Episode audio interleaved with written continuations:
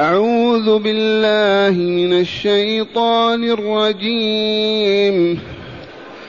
وقال الملك إني أرى سبع بقرات سمان يأكلهن سبع عجاف وسبع سنبلات خضر وأخر يابسات يا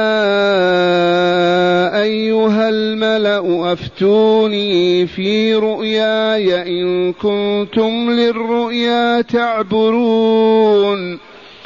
قالوا أضغاث أحلام وما نحن بتأويل الأحلام بعالمين. وقال الذي نجا منهما وادكر بعد أمة أنا أنبئكم بتأويله فأرسلون. يوسف أيها الصديق يوسف أيها الصديق وافتنا في سبع بقرات سمان. أفتنا في سبع بقرات سمان يأكلهن سبع عجاف وسبع سنبلات خضر وسبع سنبلات خضر وأخر يابسات وأخر يابسات لعلي أرجع إلى الناس لعلهم يعلمون. أحسنت. معاشر المستمعين والمستمعات رجوعا إلى ما سبق أن درسناه بالأمس واضطربنا في تقرير الحقيقة. وإليكم بيانها قول ربنا جل ذكره وقال للذي ظن أنه ناج منه مذكرني عند ربك فأنساه الشيطان ذكر ربه فلبث في السجن بضع سنين. أهل العلم اختلفوا في تفسيرها. والقول الذي رجحه ابن جرير الطبري إمام المفسرين والذي قررناه في هذا التفسير هو أن قوله وقال للذي ظن أنه ناجي يوسف قال لأحد الفتيين الذي ظن أنه ناجي حيث رأى أنه يحمل العصير لا الذي يحمل الخبز على رأسه. ماذا قال له؟ أذكرني عند ربك. والمراد من ربه الملك الريان بن الوليد. هنا يوسف نسي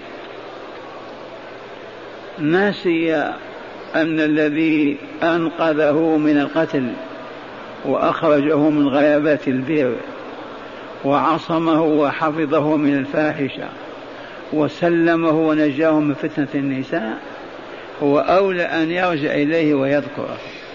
فغفل ومشى على سنة الناس وقال له اذكرني لما تعود إلى خدمتك وشغلك مع السلطان وتسقيه كما كنت تسقيه. اذكرني عنده لعله يراجع الحكم ويخرجني. فأنساه الشيطان أي أنسى الشيطان يوسف. عليه السلام فقال هذه القولة إذا فلبث في السجن بعد سنين عقوبة له. وقد قلت لكم لا بأس أن يعاتب الله أولياءه. أما عاتب رسولنا وهو سيد الأنبياء وإمام المرسلين لما قال للسائل غدا أجيبك عن أسئلتك وما قال إلا أن يشاء الله عوتب بانقطاع الوحي خمسة عشر يوما. حتى خرجت أم جميل العرى تغني. قلاه ربه وتركه. إذا فليس أبدا مما هو محال يفعله الأنبياء هذا من الجائز لكن الكمال كما قالت العلماء حسنات المقرب الأبرار سيئات المقربين. حسنات الأبرار الأتقياء سيئات المقربين بالنسبة إليهم الذين قربهم الله. فيوسف عليه السلام في قوله لذلك الفتى اذكرني غلط. ما من حقه أن يقف هذا الموقف. يذكر ربه يدعو ربه. وقد أنقذه من كذا وكذا وكذا والآن يقول للفتى اذكرني. فعوتب لذلك. هكذا وقال للذي ظن أنه ناج منهما اذكرني عند ربك أي سيدك الحاكم. فأنساه الشيطان. أنسى الله أنسى الشيطان يوسف عليه السلام. أنساه ماذا؟ ذكر ربه. لو ذكر الله أن الله بيده كل شيء وأنه ما كان يقول لهذا اذكرني عند ربك. اذا فبسبب ذلك لبث في السجن بضع سنين سبع سنوات. فهمتم هذا؟ وهذا هو الصواب إن شاء الله. لأن عليه ابن جرير إمام المفسرين. والآن مع هذه الآيات التي تلوناها وسمعناها قوله تعالى وقال الملك الملك اسمه الريان بن الوليد. فهذا كنعان من العرب إذن. الريان ابن الوليد. وأما زوج زليخة فهو وزير وزير المالية. العزيز اسمه الملك اسمه ريان بن الوليد والعزيز هو وزير. وقال الملك لرجاله إني أرى سبع بقرات سمان يأكلون سبع عجاف. ذي رؤيا منامية. ولنعلم أن الرؤيا المنامية يراها الفاسق والفاجر والكافر والمؤمن. فهذا الملك كافر ورأى رؤيا كما تسمعون. إذا قال إني أرى سبع بقرات جمع بقرة يأكلهن سبع سبع بقرات عجاف. عجاف مهازيل ضعاف لا لحم ولا شحم فيهم سبع بقرات سمان يأكلون سبع بقرات مهازيل وضعاف. أمر عجب. الهزيلة تأكل القوية. كذلك وسبع سنبلات خضر. السنبلة معروفة من الزرع من شعير أو قمح. سبع سنبلات خضر وأخر أي وسبع أخر يابسات. فاستقبل رجاله من أهل العلم هذا كهان وهذا ساحر وهذا كذا وهذا كذا وسألهم وقال يا أيها الملأ افتوني في رؤياي إن كنتم للرؤيا تعبرون. يا أيها الملأ افتوني في رؤياي إن كنتم للرؤيا تعبرون. أي تعبرونها حسب ما هو عند الناس.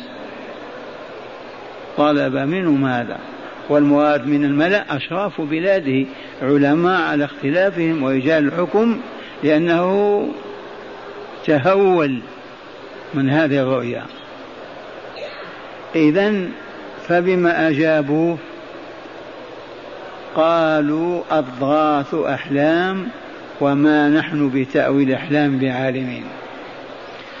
لأن الرؤى كما بين رسول الله صلى الله عليه وسلم رؤيا حلم من الشيطان ورؤيا من الرحمن. الرؤى رؤيان من الرحمن ومن الشيطان. الحلم والأضغاث الأحلام التهاويل التي يكون بها في النهار تظهر في الليل. إذا كان مهتم بشيء في النهار إذا نام تخطر به تلك الخواطر وتدور حوله وتهوله الملأ بعلمائهم وأشرافهم اعتذروا وطلب منهم الفتية وطلب الفتية مشروع من أهل العلم أيما مؤمن يستفتي له أن يستفتي ويفتى ويجاب. فهؤلاء لما قال يا أيها الملأ افتوني في أمر في رؤياي إن كنتم للرؤيا تعبرون والعبور العبارة معروفة من شاطئ البحر إلى شاطئ البحر الثاني. أي تتجاوزونه. اعتذروا وقالوا أضغاث أي رؤياك هذه أضغاث أحلام. أضغاث جمع ضغث حزمة من خشب ولا من طين من عشب وإلى نباتات. لا قيمة لها. أضغاث أحلام وما نحن بتأويل الأحلام بعالمين. الأحلام ما عندنا قدرة على تأويلها ومعرفة ما تدل عليه.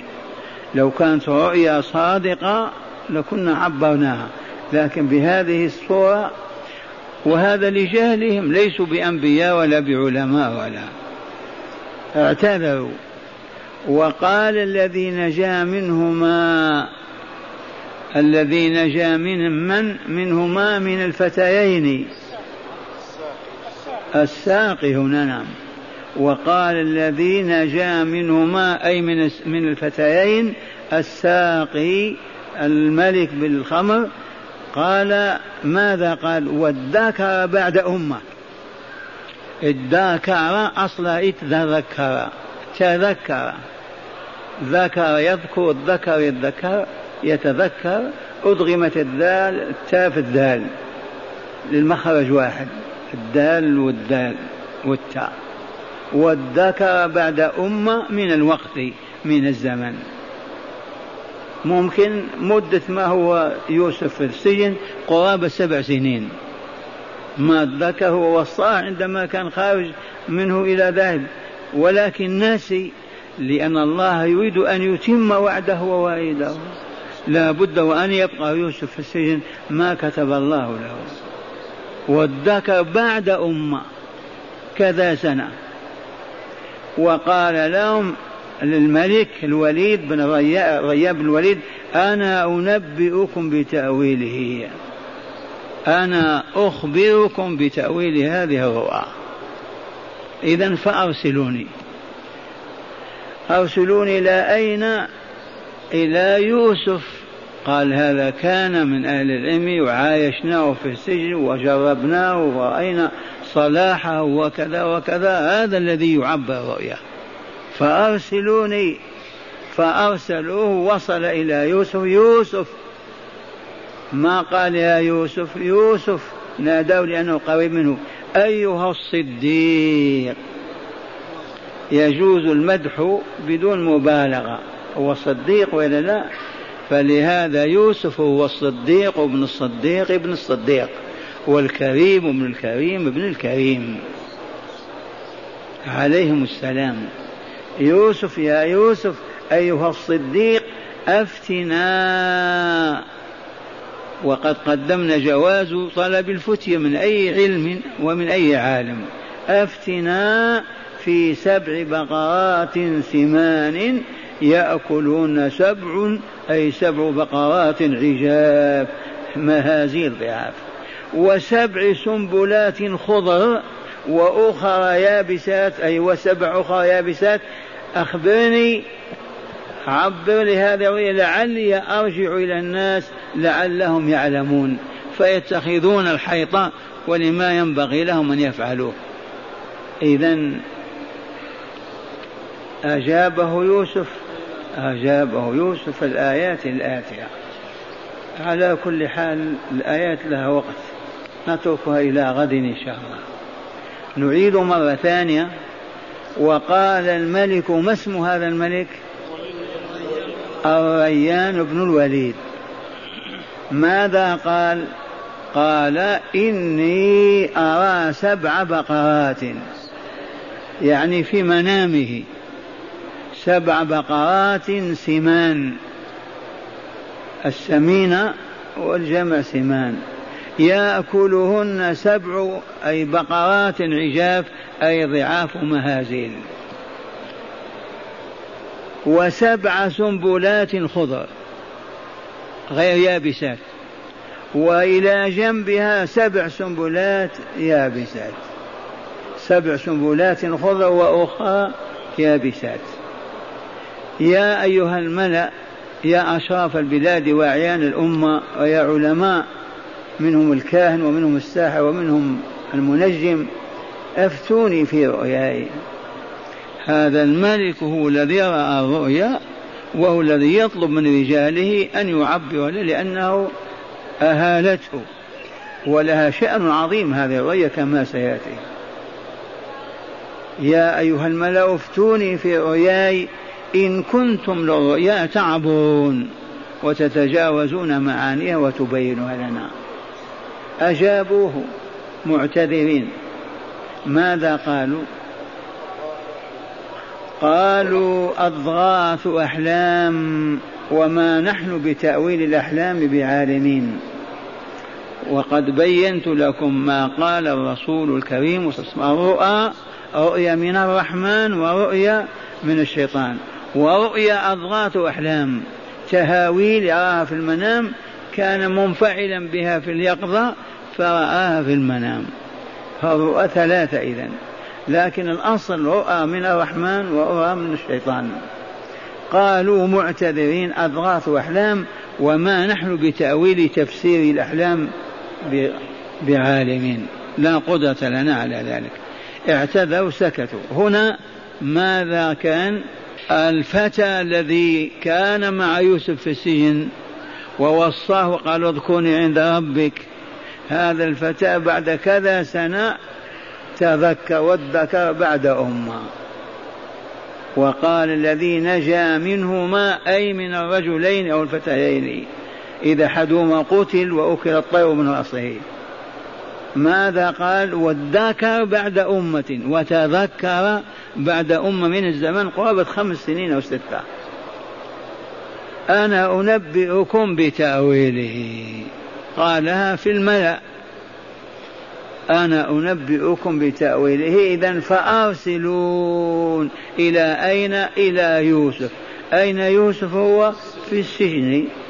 له بوابون وله مفاتيح وله كذا أرسلون إليه. وبالفعل استجاب الملك وأرسله إلى السجن. ما إن وصل إليه وانتهى حتى قال يوسف أيها الصديق أفتنا في كذا وكذا. يا يوسف أيها الصديق ما شاهد صدقه؟ عاش معه في السجن كذا فترة. إذا فقال أيها الصديق أفتنا في سبع بقرات سمان يأكلون سبع عجاف وسبع سنبلات خضر وأخرى يابسات. أفتنا. لعلي ارجع أي كي أرجع إلى الناس لعلهم يعلمون. لعله هنا بمعنى كي. كي أرجع إلى الناس لعلهم يعلمون. هذا تم في قصر الملك وبعضه في السجن مع الفتى شرح الآيات من الكتاب. ما زال السياق الكريم في الحديث عن يوسف وهو في محنته. إنه لما قارب الفرج أوانه لما قارب الفرج أوانه ورأى ملك مصر رؤيا أهالته. أولته وطلب من رجال دولته تعبيرها وتفسيرها وهو ما أخبر تعالى به في هذه الآيات إذ قال عز وجل وقال الملك أي ملك البلاد إني أرى أي في منامي سبع بقرات سمان يأكلون سبع سبع بقرات عجاف أي مهازيل عجاف مهازيل في غاية الهزال. وسبع سنبلات خضر وأخرى يابسات سنبلات يابسات. ثم واجه رجال العلم والدولة حوله. ثم واجه رجال العلم والدولة من الحكام حوله جالسين. وقد جمعهم الملك لذلك. لما رأى رؤيا استدعاهم أهل العلم والحكم استدعاهم ليقص عليهم رؤياه وقد جمعهم لذلك. فقال يا أيها الملأ أفتوني في رؤياي إن كنتم للرؤيا تعبرون أي تؤولون فأجابوه بما أخبر تعالى عنهم بقوله فقالوا أضغاث أحلام أضغاث أحلام. أي رؤياك هذه هي من أضغاث الأحلام التي لا تعبر أبدا. إذ هي إذ قالوا وما نحن بتأويل الأحلام بعالمين والمراد من الأضغاث الأحلام وفي الحديث الصحيح الرؤيا من الرحمن والحلم من الشيطان.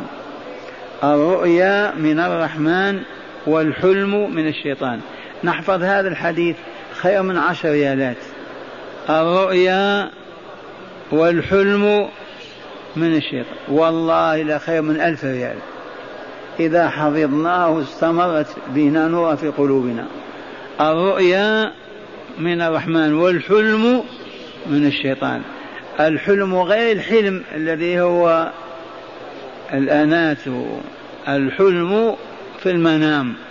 إذا الرؤى رؤيان رؤيا من الرحمن ورؤيا من الشيطان. الذي من الشيطان هو الحلم.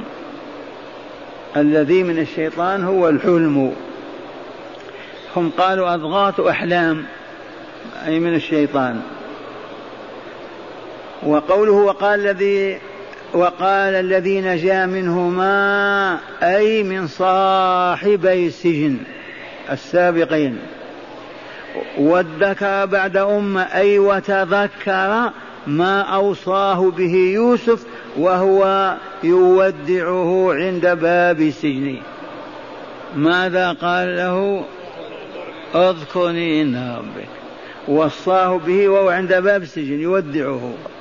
إذ قال له اذكرني عند ربك. أي بعد حين من الزمن. قرابة سبع سنوات. والذكر بعد أمة يعني بعد سبع سنوات. قال ما أخبر تعالى به عنه؟ أنا أنبئكم بتأويله فأرسلوني. أي أرسلون إلى يوسف في السجن. فإنه أحسن من يعبر الرؤى. فأرسلوه بالفعل فدخل عليه في السجن. وقال ما أخبر به تعالى عنه في قوله يوسف أي يا يوسف أيها الصديق أفتنا في سبع بقرات سمان يأكلون سبع عجاف وسبع سنبلات خضر وأخرى يابسات. وقوله لعلي أرجع إلى الناس أي الملك ورجاله هم الذين طلبوا منه ذلك. إلى الناس إلى الملك ورجاله لعلهم يعلمون أي ما ما تعبر ما تعبر به ما ما تعبر به أنت يا يوسف فينتفعون بذلك. وبالفعل غدا إن شاء الله نسمع جواب يوسف. ما هو الحديث الذي قلنا نحفظه؟ الرؤيا من الرحمن والحلم من الشيطان. الرؤيا من الرحمن والحلم من الشيطان. ما الذي نسي يوسف وإلا ساقي الخمر؟ يوسف. ماذا نسي؟ نسي ربه الذي بيده كل شيء وإليه مصير كل شيء. عوتب أو ما عوتب كم سنة عتابا؟ غاب السبع سنين. فكيف بالذين لا يسألون الله بالمرة؟ لا يدعونه ولا يسألونه. هذا يوسف فقط غفل هذه الغفلة. قال لزميله وهو عند باب السجن من فضلك اذكرني عند الملك. لعله ينظر إلى حاله. عوتب على هذا واستدام في السجن سبع سنين. نتم جواب يوسف عليه السلام لصاحبه الذي في السجن. اقرأ. أعوذ بالله من الشيطان الرجيم. قال تزرعون سبع سنين دأبا فما حصدتم فذروه في سنبله. فما حصدتم فذروه في سنبله إلا قليلا مما تأكلون. ثم يأتي من بعد ذلك سبع شداد يأكلن ما قدمتم لهن يأكلن ما قدمتم لهن إلا قليلا مما تحصنون.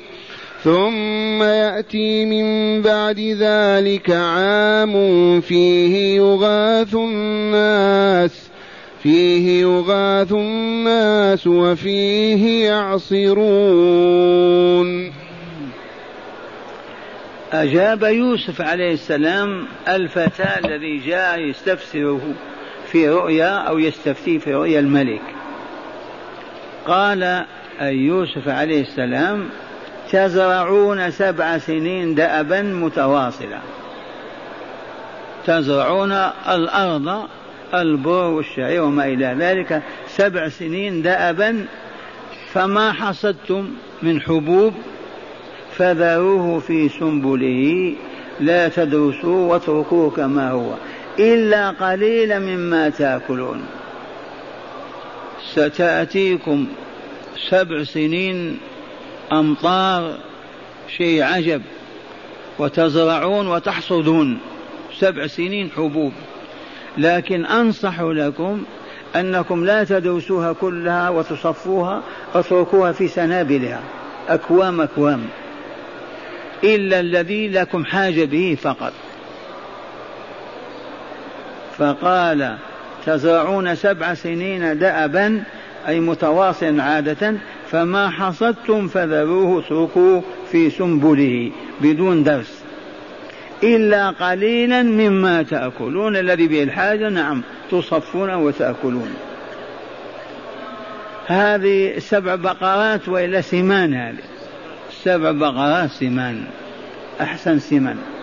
ثم يأتي من بعد ذلك سبع شداد سنين جدبة لا مطر ولا ولا ولا. ولا نبات. سبع سنين شداد. يأكلن ما قدمتم لهن. ذاك الذي ادخرتموه يأكلنه إلا قليلا مما تحصنون. ثم يأتي من بعد ذلك عام بعد نهاية السبعة الأولى والثانية عام يغاث فيه الناس وفيه يعصرون العنب وما إلى ذلك.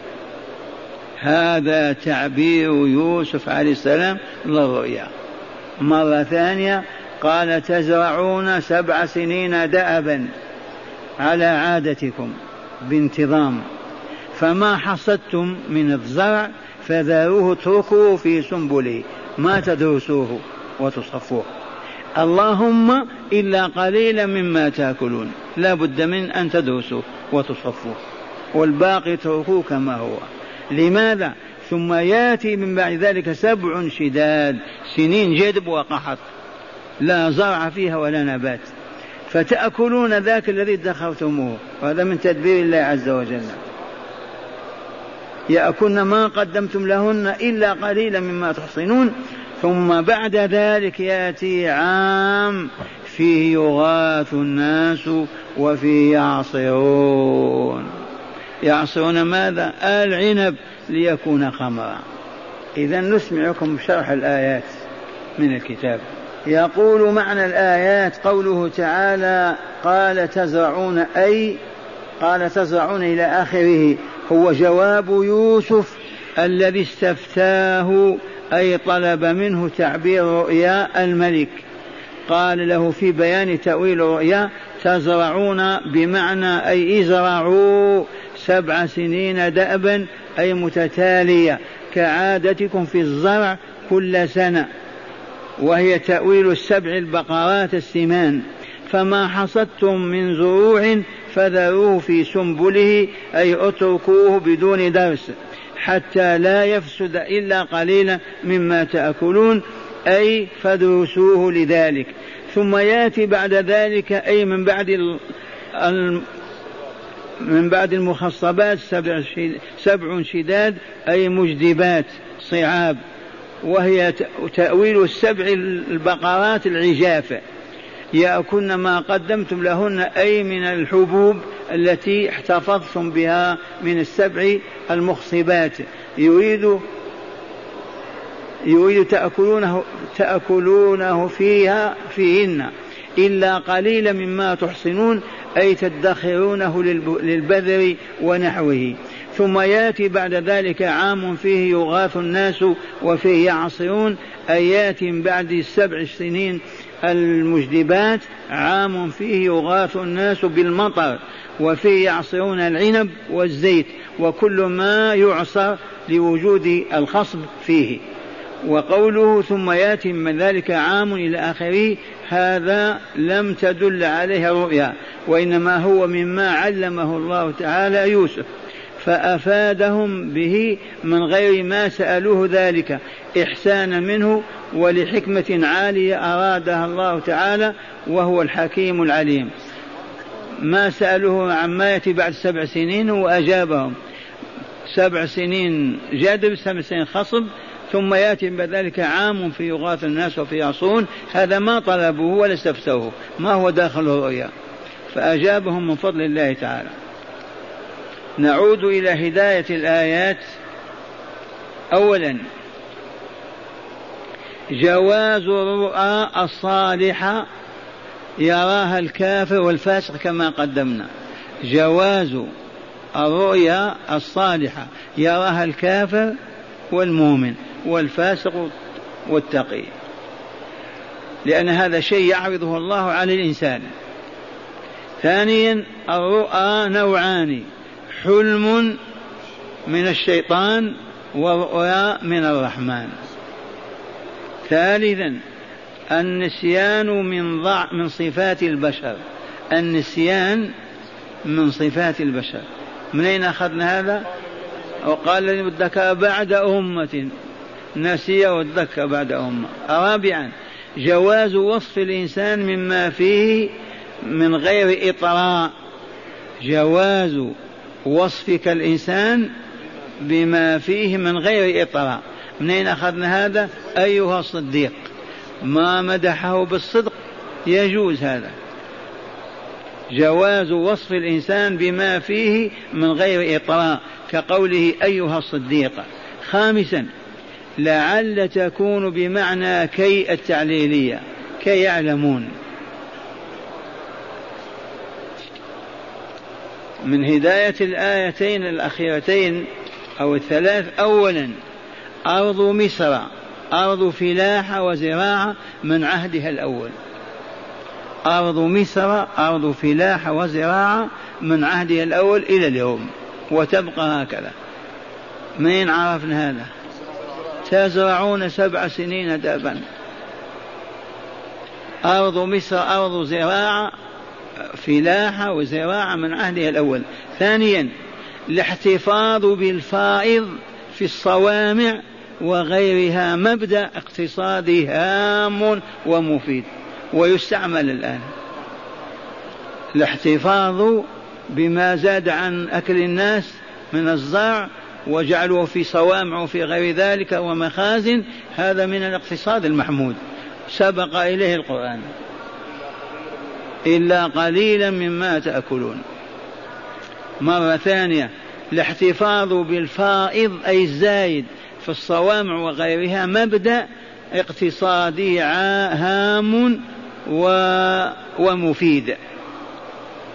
ثالثا كمال يوسف في في في حسن تعبير الرؤى شيء عظيم. كمال يوسف عليه السلام في ماذا؟ في حسن تعبير الرؤى شيء عظيم. ويعلم من تاويل الأحاديث ويعلمك من تاويل الأحاديث. أمر عجب.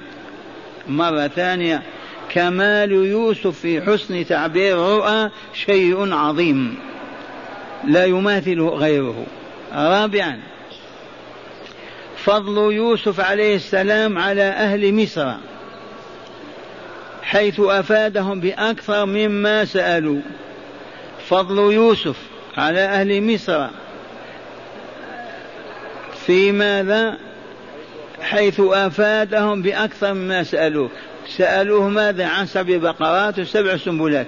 أجابهم عن الكل ثم زادهم ما هي؟ ثم يأتي من بعد ذلك عام في يغاث الناس وفي يعصرون. وهذا الذي يأتي فيه إخوته يطلبون الزرع والحب. آيات الله.